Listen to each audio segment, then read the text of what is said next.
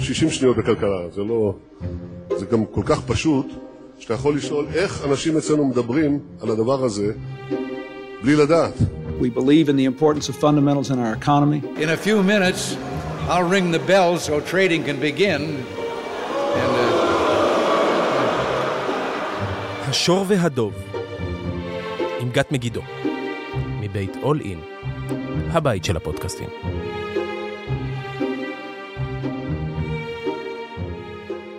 שלום לכל המאזינים והמאזינות, ברוכים הבאים לפרק נוסף של uh, השור והדוב, פודקאסט uh, פיננסים, שוק הון, כלכלה.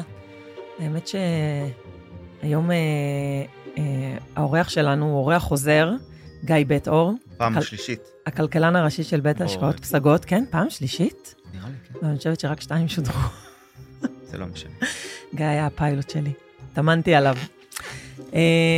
אז אנחנו פה קודם כל, אנחנו, התחלתי להגיד, הצגתי אותך מיד, כי רציתי לומר שאנחנו, ספרתי, אנחנו בפרק 25 של הפודקאסט, מתקדמים, ואנחנו בהשראתך, שיניתי את זה בימים אלה להשור והדוב בימי מלחמה.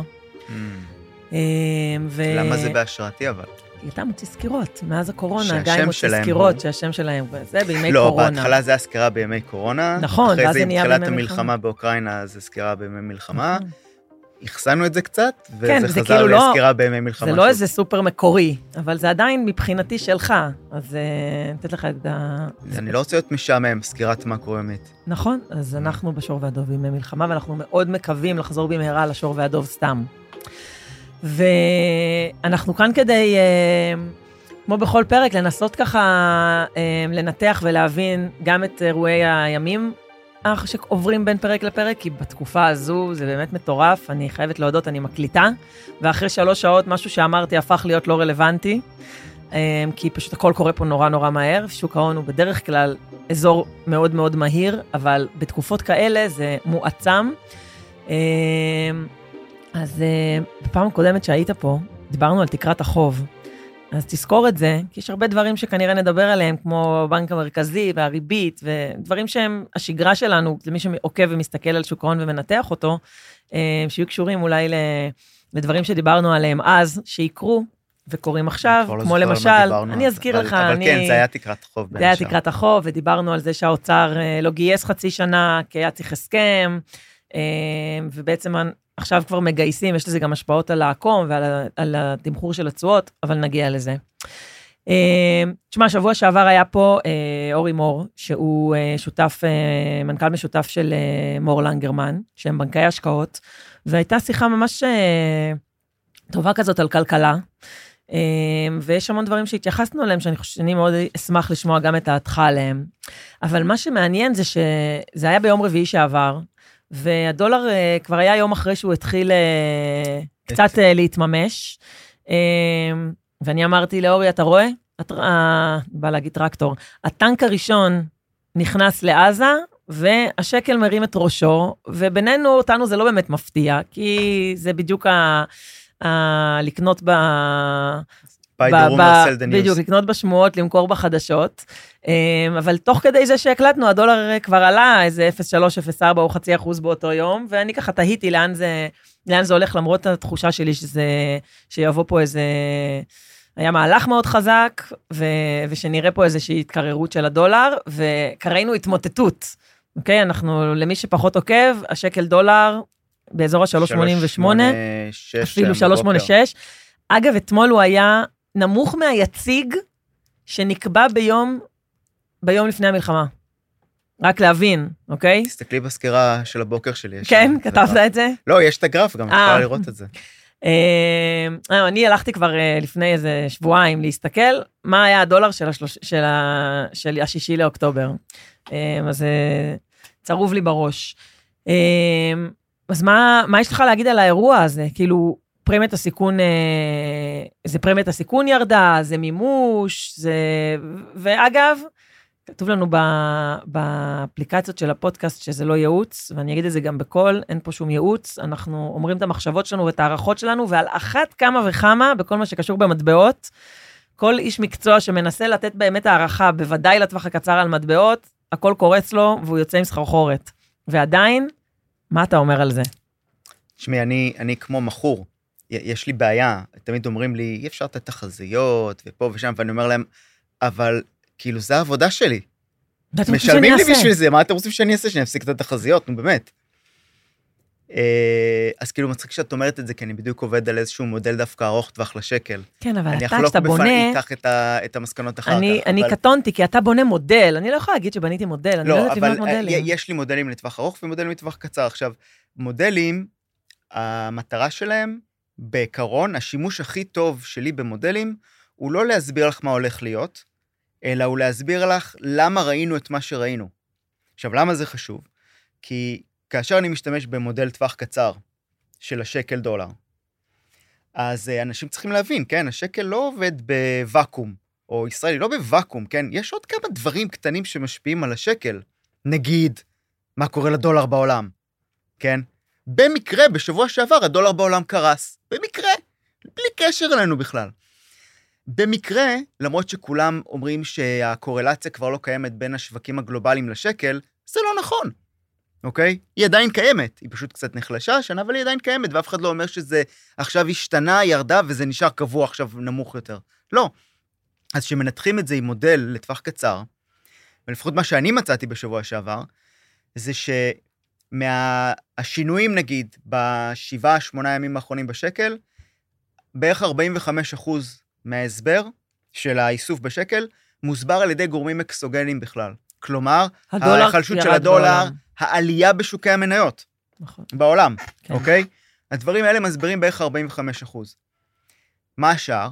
השאר זה הריברס, או אני אגיד את זה ככה, השאר זה מה שאני לא יודע להסביר באמצעות המודלים. בדרך כלל, מה שאתה לא יודע להסביר בעצ... באמצעות המודלים, אתה מייחס את זה לגורמים בלתי נצפים. בין השאר, פרמיית הסיכון, הרי זה מושג אמורפי, נכון. אנחנו רק יודעים את להביא השארית, פרוקסי. את מה שאנחנו לא יודעים כן, להסביר, אנחנו השארית, אומרים זה אנחנו פרמיית זה סיכון. הפרוקסי. ב- ב- ב- ב- בשארית אנחנו אומרים, כנראה שפרמיית הסיכון מסתתרת בפנים. ואז מה שקורה זה שאת הזינוק בשקל, בתחילת המלחמה, לא ידענו באמת להסביר באמצעות המשתנים הקונבנציונליים, ואז אנחנו אומרים, השקל היה אמור להיות פה, נגיד, לא יודע, 4.9, בפועל הוא, אה, סליחה, 3.9, בפועל הוא ב-4.08, הדלתא הזאת היא, היא מביאה לידי ביטוי בשוק המטח את פרמיית הסיכון. כן. ומה שקרה בשבוע האחרון זה בדיוק ההפך. עכשיו, כלומר, פרמיית הסיכון כאילו הלכה אחורה. הלכה אחורה. עכשיו, מה הקטע פה? על פרמיית סיכון זה, זה דבר שמאוד חשוב להגיד, להבין מה, מה קרה פה בעצם. הזינוק הזה בפרמיית הסיכון, ואני חושב שזה גם הודהד במידה מסוימת על על ידי בנק ישראל. הרי באו אליהם בטענות, למה אתם לא מורידים ריבית? למה אתם לא עושים הרחבה כמותית? וכן הלאה. כן. הם באו ואמרו, פרמיית הסיכון עכשיו מאוד גבוהה. אוקיי? כל דבר שנעשה עכשיו אולי לא יהיה יעיל.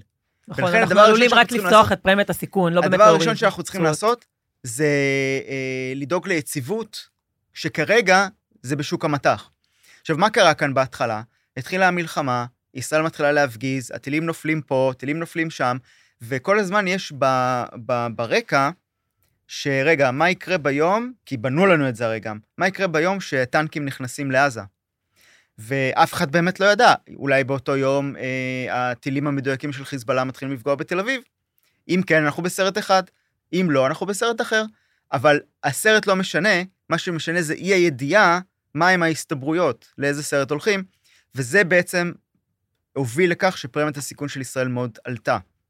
מה שאני תמיד אומר לאנשים, ואת יודעת את זה ואני יודע את זה כי זה בשוק ההון, כל מה שצריך זה בהירות.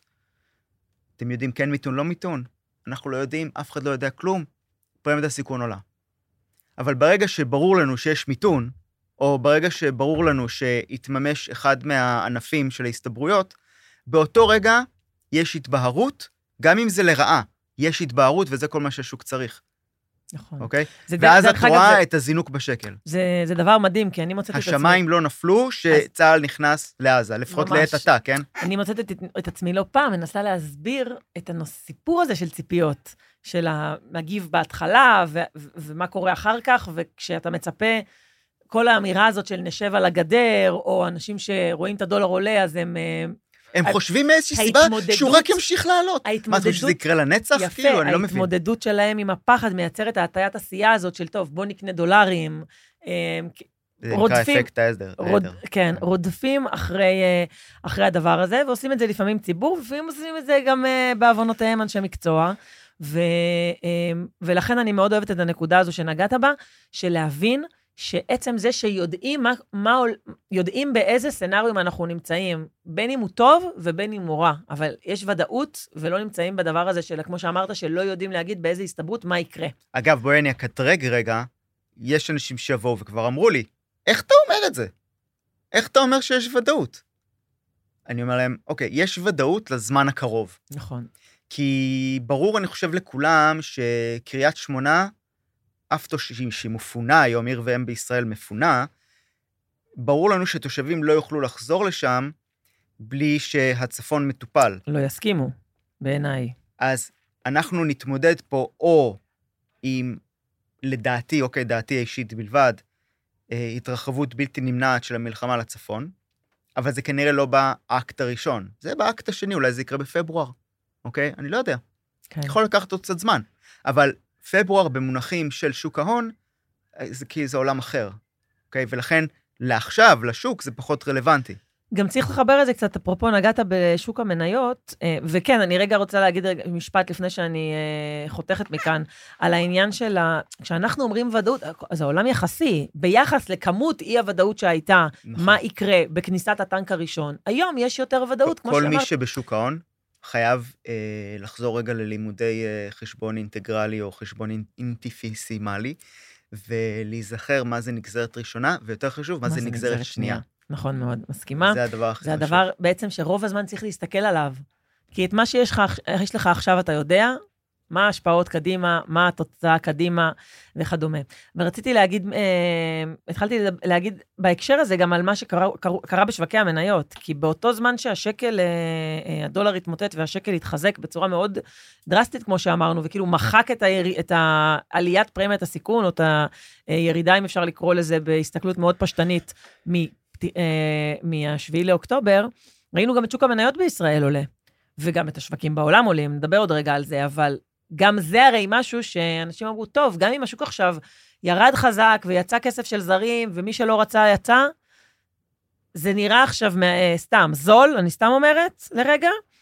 אף אחד לא, אתה אף פעם לא חושב שתוך חמישה ימים השוק יעשה מהלך של אה, כמה אחוזים ומניות יעלו בצורה אגרסיבית, וגם זה קרה.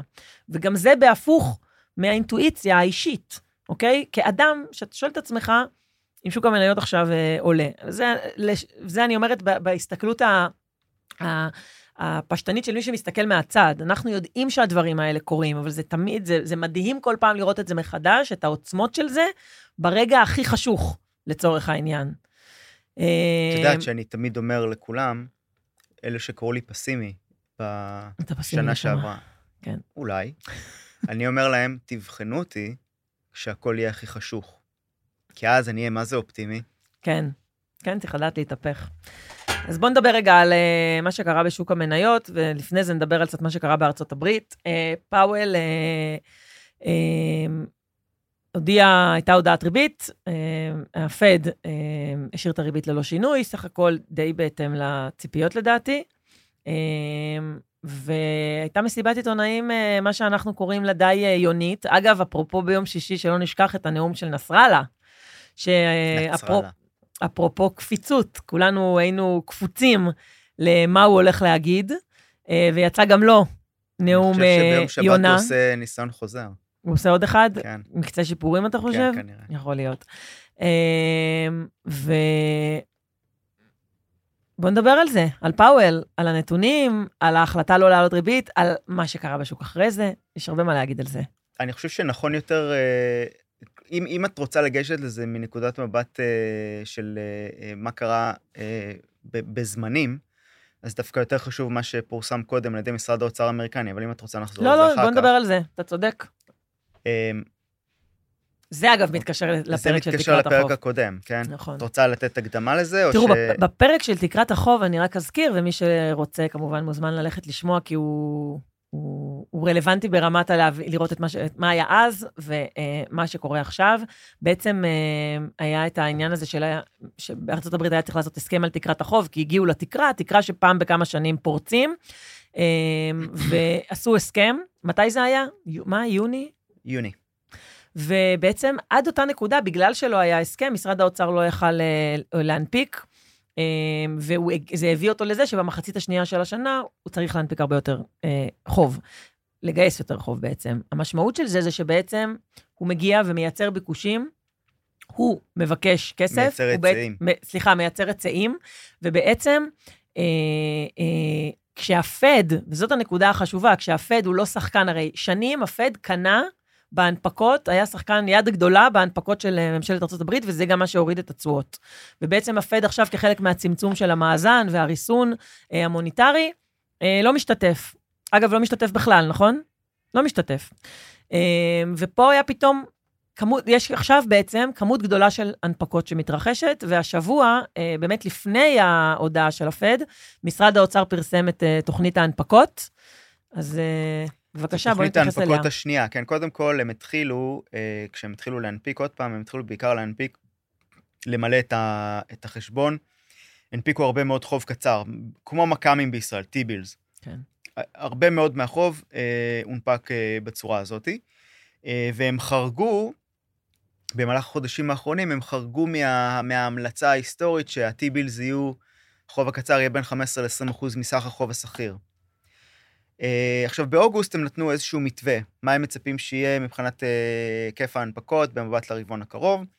אה, זה אגב היה אחד מהקטיליזטורים המרכזיים ביחד עם הפחתת הדירוג של פיץ', של ארה"ב. כן, כן. אחד מהקטליזטורים המרכזיים לזינוק בתשואות שראינו מיולי, סוף יולי, ועד ממש לא מזמן, אוקיי? שזה אגב גם היה הקטליזטור לירידה שאנחנו עדים לה כבר שלושה חודשים בשווקים. אוקיי? כן. כי יש כאן מעגל קסמים בין שוק האג"ח ושוק המניות. נכון, עכשיו, אני אפתח סוגריים, שהסברנו שהפד בעצם כאילו הצליח לשכנע את השווקים, שהוא לא באמת הולך להוריד ריבית, העקום פתאום עלה, כל השיח של ה-higher for longer, כן, מתחבר בתוך הדבר הזה. אנחנו נשמור את הריבית גבוהה לאורך הרבה זמן, אבל נשים את זה בצד. צריך להבין שיש שני שחקנים בשוק האג"ח, תמיד מתמקדים בפד. לא, משרד האוצר הוא מאוד חשוב פה, כי הוא זה שמנפיק את החוב. Uh, בקיצור, אה, אה, לא נדבר על זה היום, כן, אבל ארה"ב היא בפזרנות פיסקלית כאילו של סוף אימפריה בעיניי, כן, אבל, שים את זה בצד. אבל כן. גם זה מדהים, כי לפני. שבועיים, כשהשוק ירד, השווקים ירדו, סביב גם המלחמה והחשש הגלובלי שהיא תתפתח למלחמה אזורית, וגם היה את הסיפור של, ה, של עליית התשואות, ואז מה המשמעות של זה לעוד מעמסה של תשלומי ריביות וחוב יקר עבור ארצות הברית, וכאילו בעשרה ימים כבר פתאום... נהיה כזה הפי-הפי, לא מדברים על זה. כי, כי נרטיב זה, הכל, בא והולך, כי זה הכל תלוי אה, מהו התיאבון סיכון בשוק המניות, אוקיי? ואז פשוט כסף זורם. כל עוד ארה"ב קיימת, האג"ח האמריקני הוא עדיין ה-safe haven, כאילו עדיין המקלט הבטוח, לכאורה, כן? בכל מקרה, מה שקרה שבוע שעבר זה הם פרסמו תוכנית הנפקות, שאני מדגיש, בטווחים הארוכים הייתה נמוכה יותר מההערכות המוקדמות. ציפיות. הכל זה עניין של ציפיות. כאילו הממשלה אומרת, אני אגייס פחות כסף ב... בארוך אה, ממה שהשוק תמחר. כן. אוקיי? והוועדה המייעצת של משרד האוצר אמרה להם את הדבר הבא. הם לא חידשו כאן לאף אחד, כן, אבל זה אשכרה נכתב במכתב שפורסם באתר משרד האוצר, הוא אמר, בימים אלו פרמיית הסיכון בחלקים הארוכים גבוהה. בימים אלו, משיחות שלנו עם הסוחרים, התיאבון מחם ירד. ולכן, אנחנו כמנהלים של השוק הזה, חושבים שיהיה זה יותר נכון להגדיל נזילות איפה שרוצים אותה.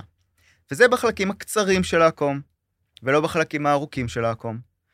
ואז שלחתי ובדקתי, אמרתי, אוקיי, זה מעניין, וזה גם הגיוני, אוקיי? י- י- היו כאלה שהאשימו את ילן אה, בפוליטיקה בעניין הזה, כן? עכשיו, צריך לומר, כן, אני לא בצד הזה של המפה הפוליטית, כן, אבל אני, אני מנסה להיות כאן מאוד אה, אה, אה, חסר פניות. יש היגיון רב במה שהיא עשתה, וכשמסתכלים על זה היסטורית, יש בארצות הברית, הפד אה, מפרסם את פרמיית הסיכון מתוך העשר שנים האמריקני. כלומר, כמה מהתנודות בעשר שנים האמריקני מיוחס לפרמיית הסיכון. בניגוד לישראל, שם הם מודדים את זה, יש נתון רשמי, מפורסם כל יום, הכל נפלא. היופי הוא שאת רואה את הדבר הבא, לאורך זמן, השיעור של אה, החוב הקצר מתוך סך החוב הולך יד ביד עם פרמיית הסיכון. כלומר, שפרמיית הסיכון נמוכה, מנפיקים יותר אג"ח ארוך. שפרמיית הסיכון גבוהה, מגייסים יותר קצר, וזה מאוד הגיוני. זה אגב מאוד הגיוני. זה כן, כשהפרמיית סיכון לכולם. נמוכה, התשואות יותר נמוכות, ואז זה נכון. הגיוני להתממן עכשיו, ארוך. ברור לכולם שאנחנו בריבית של חמישה וחצי אחוז בארצות הברית. ברור לכולם שזה סוף הסייקל. לגייס עכשיו בעשר שנים, אין בזה הרבה היגיון אם אני יכול לגייס הרבה יותר בעשר שנים, נגיד בעוד שנה, שכבר ארה"ב תהיה אחרי 150 נקודות למטה. הממשלה מסתכלת על זה בדיוק כמו שמסתכלת על זה היא חברה עסקית. שחקן לכל דבר ועניין. נכון, כן. באה חברה עסקית, צריכה לגייס עכשיו, לגלגל את החוב שלה. ראינו את זה, הגיוני. אגב, ב-22 וב-23. אומרת, טוב, אני רק אעשה אג"ח לשנה, אוקיי? או אה, אה, אה, גלגל את החוב קצר, כדי לספוג לזמן קצר את העלויות הגבוהות, ולא לקבע אותן. כן, כי אני אוכל לחמש לגלגל שנים. את זה עוד, עוד כמה בדיוק. חודשים בהרבה יותר זול. מה שזה עכשיו, אומר... זה היה המכה הראשונה בשוק נכון, האג"ח שבוע נכון, שעבר. וצריך להבין למה זו הייתה המכה הראשונה, כאילו. כי זה בעצם היה הרמ, הרמז הראשון, או הדבר הראשון שהפד או ממשלה אומרים, שהם חושבים שהקום כרגע בארוך גבוה, לא בר קיימא, והם לא רוצים להתממן שם, כי הם מצפים שהוא יהיה נמוך יותר. זה, זה בסוד נאמר, כן. בסדר, כאילו, זה אבל על זאת ידי הפרשה- המעשים, זה- כן. כן. ורק זה, אגב, זה שהם מסבירים את זה שהביקוש הוא בקצר, כי השחקנים לא ירצו עכשיו לתת כסף בארוך, זה על פניו, יכול להיות שבאמת הביקוש היה בקצר, אבל בעיניי, האמת שמסתתרת מאחורי זה, זה שחקן לכל דבר שמסתכל איפה כדאי לו ברור. להתממן. עכשיו, זה היה מכה מקדימה, הוריד התשואות מאוד חזק לקראת מסיבת העיתונאים של פאוול, ואז מגיעה מסיבת העיתונאים של פאוול. מי שקרא את ההודעה, אפשר לקרוא אותה כהודעה מאוד אה, ניצית. הם מתארים את הפעילות הכלכלית כחזקה, שיעור אבטלה נמוך, אינפלציה גבוהה, אבל הם כותבים בהודעה, וזה תמיד סמנטיקה, זה נקרא באנגלית Fed speak. איך הם כותבים, מה הם איזה מוסיפים, מילה הם וזה. הוציאו, אז איפה נגיד, הם הפסיק. תמיד כותבים, בחודשים האחרונים, מאז משבר הבנקים, בתחילת השנה, הם כותבים, התהדקות תנאי האשראי במשק צפויה להכביד על הפעילות הכלכלית, העסקים, משקי הבית ועל שוק העבודה. בלה בלה בלה, ולהוריד את האינפלציה. תנאי האשראי. תנאי האשראי. בהודעה הזאת הם כתבו את אותו משפט, רק התחילו בהתנאים הפיננסיים ותנאי האשראי. אוקיי? הוסיפו בעצם את הוסיפו שתי התנאים מילים, הפיננסיים. התנאים הפיננסיים. עכשיו, מה זה התנאים הפיננסיים? בגדול, ככל שהתשואות גבוהות יותר, התנאים פיננסיים מהודקים יותר. ככל שהשווקים יורדים, התנאים הפיננסיים מהודקים יותר. ככל שהספרדים, המרווחים, נגיד בקונצרנים, נפתחים, התנאים הפיננסיים מהודקים יותר. ככל שהדולר מתחזק, התנאים הפיננסיים מהודקים יותר. התנאים הפיננסיים זה בעצם המנגנון דרכו המדיניות המוניטרית עובדת. עכשיו, בא פאול במסיבת העיתונאים ואומר, התנאים הפיננסיים מאוד התהדקו, והוא אגב, הוא גם אמר את זה שבועיים לפני זה. התהדקות התנאים הפיננסיים, העלייה בתשואות האג"ח מייתרת מעשית את הצורך שלנו בלהעלות את הריבית עוד פעם. והוא אמר את זה גם במסיבת העיתונאים, הוא דיבר על זה, וכאן מגיעה האירוניה הגדולה. הוא בא ואומר את זה, השוק אומר, סבבה, אין יותר העלאות ריבית, עוד רגע מורידים ריבית, תנאים פיננסיים מהודקים. יאללה, התשואות צריכות לרדת, ואז התשואות באותו שבוע קורסות. אה, וכשהתשואות קורסות, התנאים הפיננסיים מתרחבים. אז עצם זה שהוא אמר את זה, הוא חתר תחת היעד שלו עצמו, שזה די מדהים, כן? מאוד מדהים. וכמובן, אז הגיע יום שישי, חמישי ושישי, נתוני מקרו מאוד חלשים. אוקיי? וזה אולי הסגווי בשבילך לדבר על דוח התעסוקה וכמה הנתונים חלשים. בוא נדבר ב- עליו. ב- ב- במובן תראה, הזה. תראה, דוח התעסוקה... שזה עוד פעם, זה נתן עוד מכה למטה בתשואות. והשוק אוהב את זה, כן? בעיני- בעיניי, ולא רק בעיניי, דוח התעסוקה כבר הרבה מאוד חודשים הוא... יש בו איזושהי הטעיה פנימית. כי המש... הרי דוח התעסוקה מראים, חוץ משיעור האבטלה ושיעור עליית השכר, גם את ה... מאיפה הגיעו המשרות החדשות. אני מראה את זה כל שבוע. ורואים שם כמה דברים. גם רואים שהמשרות החדשות הן בתחומים, בבריאות, ברווחה, בצריך, בממשלה, כאילו בעצם גיוס עובדים בשביל מימוש הרפורמות של, אה, של הממשל. אה, רגע, 128,000 מתוך ה-150 בחודש אוקטובר, 150,000 משרות, 128,000 מתוכם, בריאות, רווחה, ממשלה. זאת אומרת, בריאות נוספו... 58,000, ממשלה 51,000, רווחה השארית, לא יודע, 19 אלף אנחנו לא. נבח- לא בוחנים אותך על כן. המספרים. לא, אבל תביני, בלי זה, בלי שלושת אין כמעט הסקטורים משרות האלה, חדשות. לא נוספו משרות. יפה. הרבה, הרבה סקטורים ו- בכלל מפטרים עכשיו. על זה, בדיוק, אז. על זה בדיוק אני מדברת. ואז אתה מסתכל על הסקטורים, כאילו על העסק, דברים, הסקטורים העסקיים, ש, שהביקוש... ליבת הכלכלה. בדיוק. הם אמורים להיות אלה ש... אה, כאילו, עליהם אנחנו אמורים להסתכל במספרים מאוד מאוד נמוכים, וכמו שאמרת, חלקם אפילו מפטרים. והדבר הנוסף, זה שהוא תופעה של, החוד... של כל החודשים האחרונים, זה גם שהרבה זה משרות שניות. אה, רגע, אני חייב להעיר על זה, את צודקת, משרות שניות. תשמעי, יש מאז מרץ 22 פער שהאמת הולך וגדל. הרי דוח התעסוקה בארצות הברית הוא מורכב משני סקרים, סקר משקי בית, שואלים כל חודש מדגם מסוים של אנשים, לא אותם אנשים, מה קורה איתכם? סקר שני זה סקר החברות, ששואלים כל חודש את אותן חברות, מה קורה איתכם? המספרים המצוטטים זה מסקר החברות. הסקר השני, של סקר משקי הבית, הוא כאילו נחשב ליותר תנודתי, ממנו נגזר שיעור האבטלה, נתוני השכר וכן הלאה. עכשיו, מה ההבדל בין שני הסקרים האלה? ששואלים את האנשים בסקר משקי הבית, לא שואלים אותם אם הם עובדים בשתי, אם הם עובדים בשתי עבודות. אוקיי? אתה עובד, לא עובד. עובד. ויכול להיות שהרבה מאוד מהאנשים האלה עובדים בשתי עבודות, וזה נספר כמשרה אחת. לעומת זאת, אם יש שתי חברות בסקר החברות, שאותו אדם עובד בשתי החברות האלו, סופרים... הוא נספר פעמיים. אוקיי? ונוצר פער מאוד גדול מבחינת ייצור משרות, קצב ייצור, ייצור המשרות, הוא כפול לפי סקר החברות מאשר סקר משקי הבית. כפול. שזה רק מעיד על כמה אנשים עובדים עבודה סטטיסטיקה- שנייה, כן, המון אנשים וכמה בעיות עובדים עבודה שנייה. בסטטיסטיקה, אבל מה נעשה, זה ככה אתם הסטטיסטיקאים. כן. אמ, ואז אז דיברנו על זה שהנתונים לא באמת טובים, אבל כל הזמן, גם אנחנו מסתכלים ואומרים, טוב, אבל שיעור אבטלה נמוך, ויש אה, קצב יצירת משרות אה, על פניו אה, לא רע בכלל, וזה, ויש שינוי השכר לא יורד מספיק ועולה, ו, וכולי וכולי. כל הדברים שלא מתאימים עם העובדה שהריבית עלתה כל כך מהר. אז הסקר הזה באמת היה אפילו עוד מאותו דבר, אפילו יותר רע, מהבחינה הזו. אגב, כדי להדהי, ל- להדגיש עוד יותר כמה הכל זה סטטיסטיקה, ולאו דווקא המציאות, יש אה, אחד מהמדדים שאוהבים להסתכל עליהם, זה אה, כמה היו עדכונים לאחור כל פעם. כל פעם יוצא נתון, הנתונים האחור, הקודמים מתעדכנים גם כן. ומה שאנחנו רואים מתחילת השנה זה שבתשעה מתוך עשרת החודשים האחרונים, הנתונים עודכנו כלפי מטה כל הזמן. שזה אומר שבזמן. אמת מקבלים נתון שנראה טוב וחזק, ואז אומרים, טוב, ואז שוק העבודה כשנכנסים חזק. עוד נתונים, יש רוויזיות לנתונים, ומסתבר שהנתונים היו נמוכים יותר ממה שחושבים. עכשיו, היסטורית, שיש רצף מאוד גדול של עדכונים לאחור, זה אומר, בגלל שזה סטטיסטיקה וזה מבוסס על שנים קודמות, כלומר, זה מסתמך על כאילו המגמות שהיו שנים קודם, שיש עדכונים כלפי מטה מאוד משמעותיים, זה אומר שאת בנקודת פיתול בכלכלה. זה קרה ב-2008, זה קרה ב-2001, שיש רוויזיות שליליות רצופות לא- לאורך הרבה זמן, זה אומר שהכלכלה נמצאת בנקודת פיתול. למטה. צמיחה כנראה למטה. בצמיחה כן. למטה. לא, גם שזה ההפך, כן? שזה רוויזיות חיוביות, את יוצאת ממיתון. כן.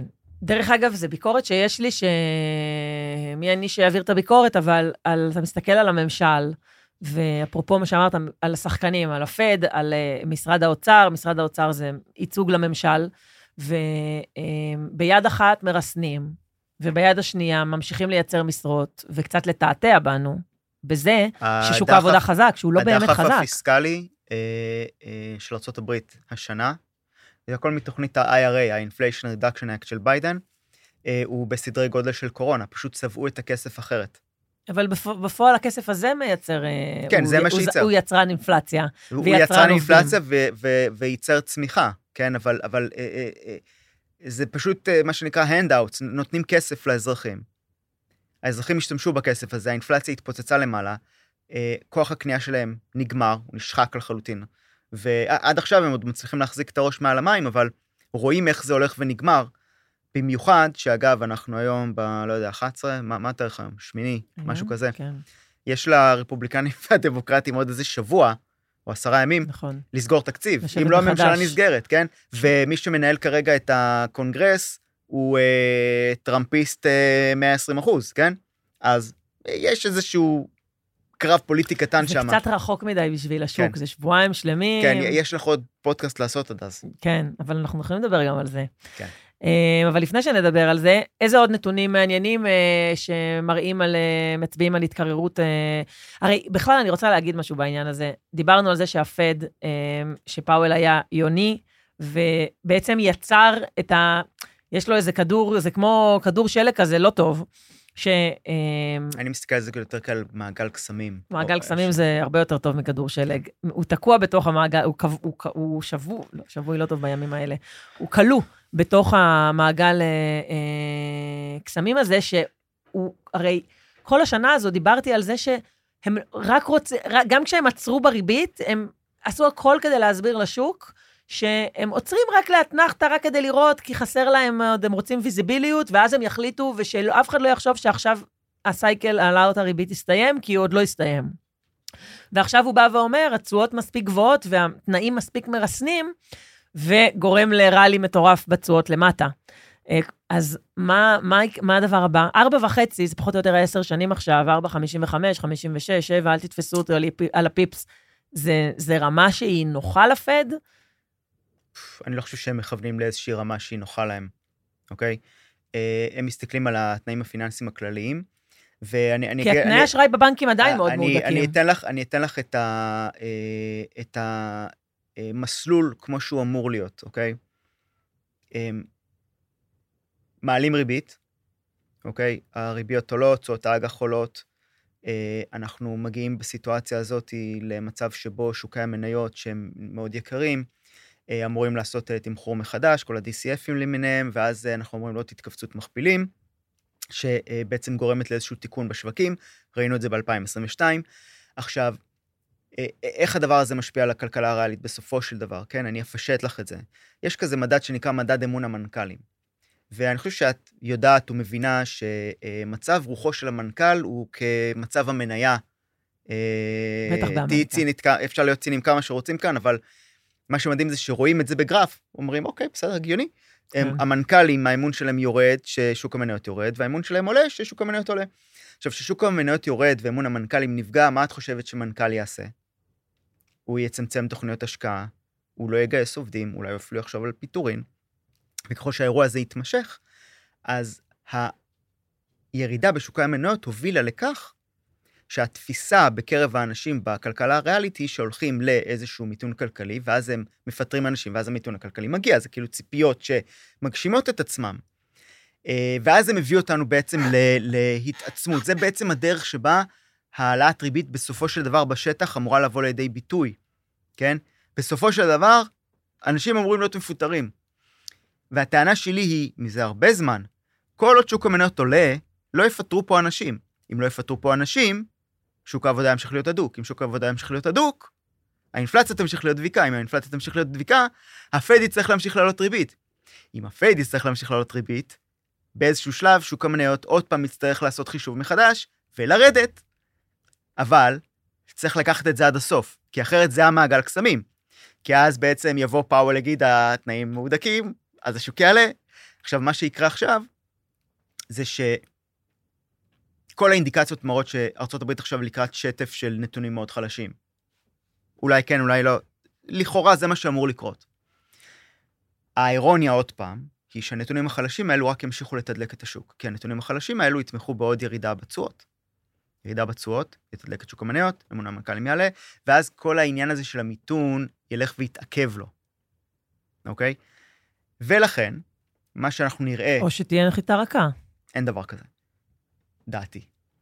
זה לא דבר שקיים. לא בסיטואציה הנוכחית. לא יכולה להיות נח- נחיתה רכה שהריבית היא ברמות האלו, ושהעולם על סף אה, מלחמת עולם שלישית, ושתנאי האשראי מהודקים כפי שהם כמעט מעולם לא היו, אוקיי? כל מה שיש פה זה אולי קנייה של עוד קצת זמן. אה, וכל העודפים של משקי הבית נגמרים. לא תהיה נחיתה רכה. פשוט אנחנו ממשיכים לעוף עד, ש... עד שזה יתרסק, כן? אבל... תשמע, זה- אני אגיד לך מתי יכולה להיות נחיתה רכה. אם הנתונים יהיו חלשים, אבל לא חלשים מדי ולא בשטף גדול מדי. אז אתה מעריך שהם הולכים לבוא בשטף גדול, תשמעי, זה, מבין- זה לבוא מבינה. ולומר משהו שהוא מעולם לא קרה. נחיתה רכה, ב... אני לא יודע אם אנחנו רוצים להיכנס לזה, אבל היו אולי שלושה מקרים בהיסטוריה שמייחסים להם נחיתה רכה, ובכל אחד משלושת המקרים האלו, לא היה אפילו מאפיין אחד שדומה לסיטואציה הנוכחית. מבחינת איפה שהתוצר נמצא ביחד לפוטנציאל שלו, אה, ובנוגע לאגב איך הבנק המרכזי ניהל את המדיניות. מה היה, סתם אני אתן דוגמה, כן?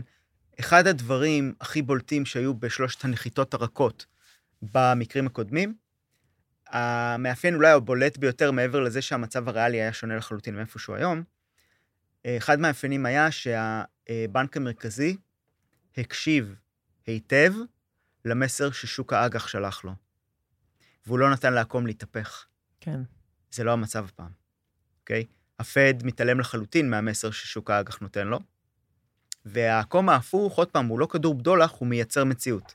והמציאות הזאת היא בוא תבוא, וכל מה שמעכב כרגע את המיתון, זה שאנחנו אחרי שלוש שנים של נזילות כל כך גדולה, שאנשים לא מסוגלים לעכל עד כמה היא גדולה. מה עכשיו מאוד את מגיעים התהליך. לסוף, כן, ורק עכשיו מגיעים לסוף, ואנשים נעלו, חברות נעלו, ומשקי בית נעלו אה, הלוואות בריביות זולות, ולכן לאפקט הריבית לוקח הרבה יותר זמן עד שהוא מגיע לידי ביטוי, אוקיי? אז ככה אני רואה את הדברים, ועוד פעם, ל, ל, ל, לגופו של עניין, מה שהפד יצטרך לעשות, זה לדבר ניצית עוד פעם, ולשים את דצמבר על השולחן שוב פעם, משהו שהשוק כבר לא שם. כן, העלאת זאת ריבית תהיה- בדצמבר. כן, הם יצטרכו לשים את זה על השולחן. אה, כן, אני חושבת שזה בסופו של דבר תלוי הנתונים אה, שיצאו, וגם ה- אותה התהדקות של תנאים פיננסיים. כאילו, אם נראה עכשיו אה, המשך של ראלי במניות, אה, או המשך של ירידת תשואות, אז ברור שהפד אה, התחרט על, ה, על הנאום האחרון ועל ה... כן. אה, כי זה, אתה יודע, יש פה איזה גם, אה, גם עוד אפקט, אפרופו מעגל הקסמים, גם כשהתשואות חצו את החמישה אחוז אה, של העשר שנים, אג"ח ממשלת יש ארצות פה הברית. כנראה גם טריגר של לא מעט עניין מסחרי, אגב, אחרי חמישה אחוז. כן, אבל גם, אפרופו שיחתנו בתחילת, ה, ה, ה, בתחילת הפרק על אה, כשהדולר עולה, חושבים שהוא ימשיך לעלות, אז גם יצאו כל מיני אמירות על זה שהתשואות, אתה יודע, פרצו איזשהו, אה, איזושהי וחצי, נקודה טכנית. הולכים לחמש וחצי, ואז כל מספר זוכה, כמו שאפשר להגיד שהדולר הולך לארבע וחצי או ניהלנו את לחמש. השיחה הזאת גם שהתשואות היו בשלוש וחצי, וזה כן. היה נראה הזוי. נכון, זה רק אז, המשיך לעלות. אבל הוא גם באיזושהי סיטואציה, אתה אומר, אג"ח ממשלת ארצות הברית, אותו נכס שהוא הנכס בנצ'מרק חסר הסיכון לנכסים מסוכנים, לטווחים הארוכים, אם מוכרים אותו, אז הכסף הולך למזומן. נכון? כאילו אין... לדעתי הקייס ללונג אה, אג"ח הוא מאוד חזק בשנה הקרובה. מאוד חזק. כי התשואות ירדו. לא, מה זה התשואות ירדו? הריביות יצטרכו לרדת, כן. אבל זה לא רק זה, ארה"ב נכנסת לשנת בחירות. היא כבר רשמית שם, אגב, כן? נכון. אנחנו רשמית כן, שם. נובמבר התחיל. וקונגרס נעול בתוך עצמו, הם לא יוכלו לבזבז יותר מדי כסף, אלא אם כן מלחמה או עוד איזושהי פנדמיה, שאז כולם אומרים, יאללה, פורצים הכל. אם אין איזשהו אירוע אה, מאוד מאוד קיצוני, שנה הבאה יהיה הידוק פיסקלי דרמטי בארצות הברית, מה שגם כן ייתן עוד, עוד מכה לצמיחה, כשהצמיחה מאטה, וזה קל מאוד שהיא תאט מהרמה הנוכחית, זה תומך בירידת תשואות. בואו נדבר בכל זאת לרגע על הסיפור של, אפרופו בחירות אה, בארצות הברית, על הסיפור של, אה, של ההסכם, אה, על התקציב, שבעצם נדחה לסוף נובמבר, או ל... 17 או 15, אני לא זוכר. נכון, נכון, נכון, 17 או 15, זה אחד מאלה בהחלט. אה, היו, הייתה דחייה של 45 יום. אה, אנחנו באמת ממש מתקרבים לזה, גם אם אנחנו צוחקים שזה רחוק. מה אתה חושב שיקרה, ומה המשמעות של אה, השבתה? כי באמת יש עכשיו אה, יו"ר אה, מקאר... אה, פיטרו, הדיחו את, אה, מקארתי, את והביאו מקארתי, את מייק ג'ונסון. הביאו- והוא באמת אה, טראמפיסט. אה, על מלא, זה כן, נשמע כמו. טראמפיסט, אבל הוא לא, הוא טראמפ. על מלא מלא, כן? כן, טראמפ על מלא. אה, אה, זה אומר שמה? ש... כי השוק לא נותן לזה יותר מדי תשומת לב. אבל השוק מצפים, גם לא נתן יותר מדי תשומת לב לאירוע הקודם עד שהוא קרה. אבל מצפים ש... כי, כי מה, כי הנחת הבסיס היא שבטוח הם אה, יגיעו להסכמה, כי ככה זה אני תמיד? אתן לך את הסיפור של האופטימים. הסיפור של האופטימים הוא כזה. למרות שמייק ג'ונסון הוא אה, יותר הארדקור, והוא יותר אה, טראמפ על מלא ולא רפובליקני, אה, איך נשתמש במילים ריינו, אה, שהוא יותר, הוא לא רפובליקני name only, זה מה ש... זה המונח ריינו. אה, כלומר, הוא לא אה, איש מרכז יותר, הוא רפובליקני, טראמפיסטי על מלא, כן? אה, אומרים, למרות שהוא כזה, בגלל שיש לו את הגיבוי המלא של אה, הרפובליקנים, ובגלל שהוא נבחר אחרי שהדיחו את, אה, את מקארתי, כולם ייתנו לו יותר חבל להגיע לפשרות מול הדמוקרטים. אוקיי? אוקיי. השאלה אם הוא רוצה להגיע לפשרות. זה הטיעון של האופטימיים, כי כבר עברנו את כל זה, ועכשיו חייבים אה, זה. אה, כבר היו נותנים אינני למקארתי להגיע לפשרות. אינני אנליסט פוליטי, אבל איך שאני קורא את הדברים, הפילוג בתוך אמריקה היום, אנחנו זה כלום לעומתם, אוקיי? כלום. הפילוג בין רפובליקנים ודמוקרטים, ואגב, בין אה, תנועת האמריקה פרסט של טראמפ לבין כל מה שלא, הוא כל כך עמוק, כל כך עמוק, אני לא יודע איך אפשר לגשר על זה. אוקיי? אני פשוט לא יודע. אז אולי יגיעו לעוד אה, הסכם על המשך מימון הממשלה אה, בלי הקצאות תקציביות לעוד 45 יום. אולי. אבל גם אם הם יגיעו לשיתוק של הממשלה, זה לא חסר תקדים, זה קורה כל הזמן. בשלטון של טראמפ, כן, בימי טראמפ, היו לדעתי 35 יום של שיתוק ממשלה. כן. בסדר, קרה, עברו את זה, חזר אחר כך. זה אגב מכניס אותם לתוך אוקיי. מסגרות התקציב. אז כאילו, כן, אני אומר, זה, זה קושר את... לאג"ח זה חיובי, כאילו, כן? כך או אחרת, שנת בחירות, אף אחד, כל, כולם רק התבצרו בעמדות שלהם, אוקיי? הממשל הוא ממשל משותק, הכי משותק שהוא יכול להיות. זה קורה בארצות. הברית פעם בכמה שנים. כן, זה קורה, כאילו- כל, כל ארבע שנים. כן, כמעט. תכלס כמעט כל ארבע הוא שנים. משותק, זה חיובי לאג"ח. אה, בגדול, זה בדרך כלל גם חיובי למניות, אבל אנחנו לא בימים רגילים, אני לא יודע. כי מה ההבדל הפעם? הממשלה הפכה להיות כל כך גדולה בשנים האחרונות, באופן קיצוני, כן, אני מדבר איתך על משהו מאוד מאוד קיצוני, שעצירה של ההגדלה, תחשבי שזה כמו על מכור לסמים, או מכור לסוכר. כן, הוא חייב את ההזרקה הזאת כל הזמן, ומספיק שישמרו על רמת ההוצאה כמו שהיא, וזה אגב לפי ההסכם מיוני, שרמת ההוצאה תישאר כפי שהיא בשנה הבאה, אפקטיבית זה אומר צמצום פר קפיטה, פר, פר נפש, שנה הבאה פיסקלי, ושכולם כל כך תלויים בתשלומי ממשלה להתקיים, אה, הדבר הזה יכול, רק, רק זה יכול להכניס את ארצות הברית למיתון בשנה הבאה. דלג רגע לישראל. אה, אפרופו תחזיות, דיברתי על זה גם שבוע שעבר, מעניינת אותי התפיסה שלך. היו פה אה, שלל, שוב, אנחנו באי-ודאות, לא יודעים מה אורך הלחימה, לא יודעים מה היקפה, לא יודעים כמה זירות. מה שאנחנו לא יודעים, אנחנו יודעים שאנחנו לא יודעים אותו. אבל בסוף כלכלנים צריכים לתת איזושהי הערכה, וראינו גם, גם בין אם זה בנק ישראל עם הערכות שלו, אה, ובין אם זה חברות הדירוג אה, הזרות. אה, אני אזכיר, S&P הודיעה שהתחזית שלה זה צמיחה של חצי אחוז בשנה הבאה בישראל. יש הערכות של כלכלנים מקומיים, מדברים על 2 אחוז, על אחוז. זה קצת מרגיש כמו מניפת מספרים כזאת. בנק ישראל, אני אזכיר, מדבר על 2.8 אחוז, אבל הוא כן שם איזושהי מסגרת, שזה לחימה בעזה עד סוף שנה. אוקיי, כאילו- אני אעצור אותך פה. בנק ישראל, שהוא הוציא את התחזית הזאת, זה היה ממש בשלבים הראשונים. כן. אה, כבר שהוא הוציא אותה, אני יכול להגיד שהוא קיבל לא מעט ביקורת על התחזית שלו. שהיא הייתה ל-2020. ורודה מדי. היא, היא לא רלוונטית, אוקיי? תתעלמי. 2.8, אין סרט בעולם שזה קורה. פשוט אין אני סרט. לא בטוחה שיש 2.8 בלי המלחמה. רגע, שנייה, הגיע משרד האוצר. קצת אחר כך, ומשרד האוצר, יש לו עודף מידע כרגע על בנק ישראל. הוא יודע אוקיי. מה קורה, כי הוא צריך לתת את הכסף. התחזיות שהם נתנו הן הרבה יותר נמוכות, אוקיי? בתרחיש אחד, שזה תרחיש הבסיס, שתרחיש הבסיס שהם נתנו, הוא תרחיש של... אה, שגם הוא לדעתי כבר פחות רלוונטי, אבל זה תרחיש כזה של שלושה חודשים של לחימה עצימה בעזה, וזה נגמר. בתרחיש הזה הם נתנו צמיחה של 2-2. הם נתנו עוד תרחיש, תרחיש של לחימה מתמשכת, שזה אומר לחימה עצימה עכשיו, ואחרי זה עוד אה, כל 2024 אה, לחימה בעזה, ברמות עצימות שונות, מתיחות בצפון מתמשכת. בתרחיש הזה הם נתנו צמיחה של 0.7 בשנה הבאה. ובתרחיש יותר חמור, קרוב ל- בתרחיש חמור הם נתנו צמיחה של 0.6, אוקיי? עכשיו, יש המון המון גורמים שצריך לקחת בחשבון שעושים תחזיות לשנה הבאה. ועשיתי עשיתי לזה פירוק אצלי, לפי, ה, אה, לפי הסעיפים וכן הלאה. אז, אתה יודע, אתה צריכה לקחת בחשבון שבאיזשהו שלב אה, יהיה יבוא נגיד ביטחוני שיירשם, וזה מינוס, זה מוריד נגיד מהצמיחה. יצוא ייקח לו קצת זמן להתאושש, הוא יהיה די חלש, כי גם אנחנו נכנסים ללג למטה בעולם, אוקיי? איזושהי חולשה ברמה העולמית, זה כבר קורה.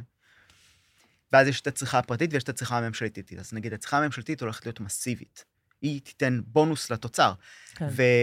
וכלכלן אחר, שאני מאוד מעריך, אמר את זה, אני לא אגיד מי, אמר, תשמע, שהורסים בניינים, זה לא נחשב בתוצר, אבל שבונים אותם אחרי זה זה, זה. כן נחשב. כן. כן, אז מה, מה העניין? שיתחיל, תתחיל כאן תנופת בנייה והשקעה, והיא תצטרך להתחיל מתישהו. אוקיי, זה יירשם כגידול בהשקעה, כלומר זה חיובי לתוצר נכון, עצמו. זה כל כן? הדיבורים על היום שאחרי. על- והצריכה הפרטית, היא עכשיו חוטפת מכה בהיקף של קורונה.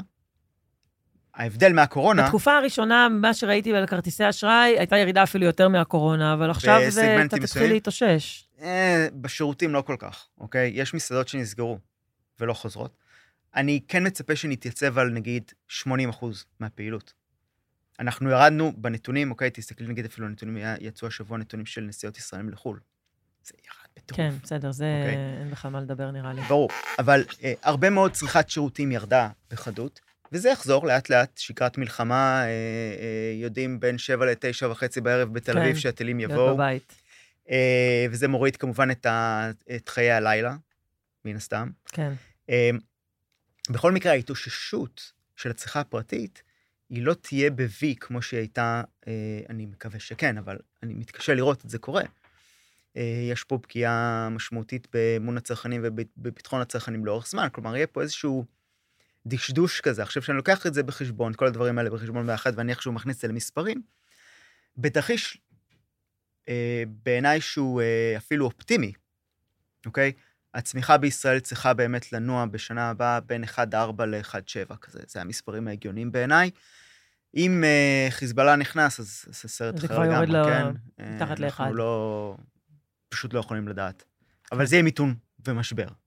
כן, עכשיו רק נשאלת גם עכשיו השאלה... יש מיתון ומשבר, כן? נכון, אבל, אבל- אבל עוברים את זה, אוקיי? אפשר לעבור את זה. כי אם זה רק אה, ב-Q4, אז אפשר להסתכל זה לא על רק היום ב-Q4, שאחרי. אני כן, לוקח בחשבון שזה לא נמשך. לתוך Q1, אני לא חושבת שזה רק בקלות. ב-Q4, אני אומרת וגם שחלק... ה, גם המלחמה בעזה היא תהיה ממושכת, ואומנם ישחררו חלק מהמילואימניקים באיזשהו שלב, אבל אה, אני חושב שעדיין ישמרו פה על רמה של כמה עשרות אלפים מגויסים כל הזמן, כן. אוקיי? כן. אגב, גם זה, זה יורד אמנם מהתוצר, אבל זה יירשם בהוצאה ממשלתית. התשלום למילואימניקים, זה יירשם כהוצאה ממשלתית, אז כאילו אין פה אובדן מלא במובן הזה. יש אובדן בזה שהם לא מייצרים במקומות העבודה שלהם. נכון, יש אובדן בזה שהם לא מייצרים. אגב, זו שאלה פילוסופית, האם, עד כמה זה יורגש באיזוש, במקומות מסוימים או לא. כן, כלומר, את מבינה מה, בוא נגיד זה ככה, בגישת ההכנסה זה יתמוך יותר מאשר בגישת ההוצאה, מה שנקרא. כן, כן? כן. כי חברה מסוימת הוא לא יוכל לייצר לה, אבל הוא יקבל כסף. נכון, נכון. אמ, איך אתה רואה את, אמ, את ישראל ביום שאחרי? כמקום נפלא, כמקום נפלא. כן?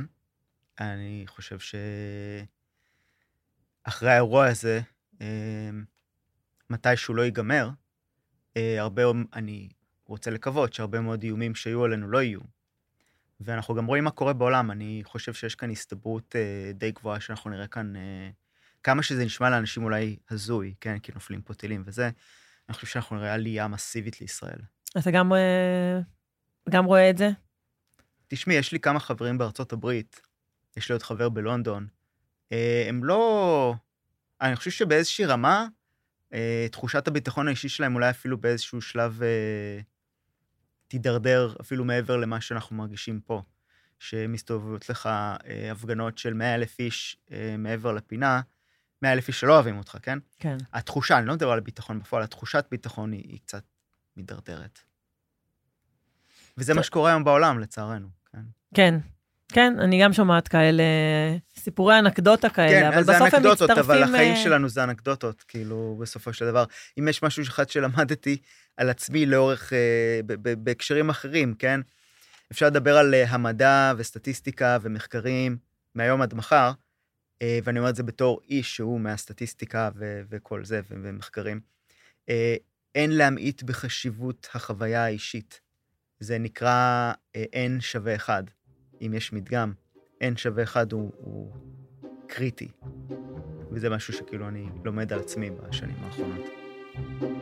כן, אני חושבת שזה גם נורא נכון בהקשר של השקעות.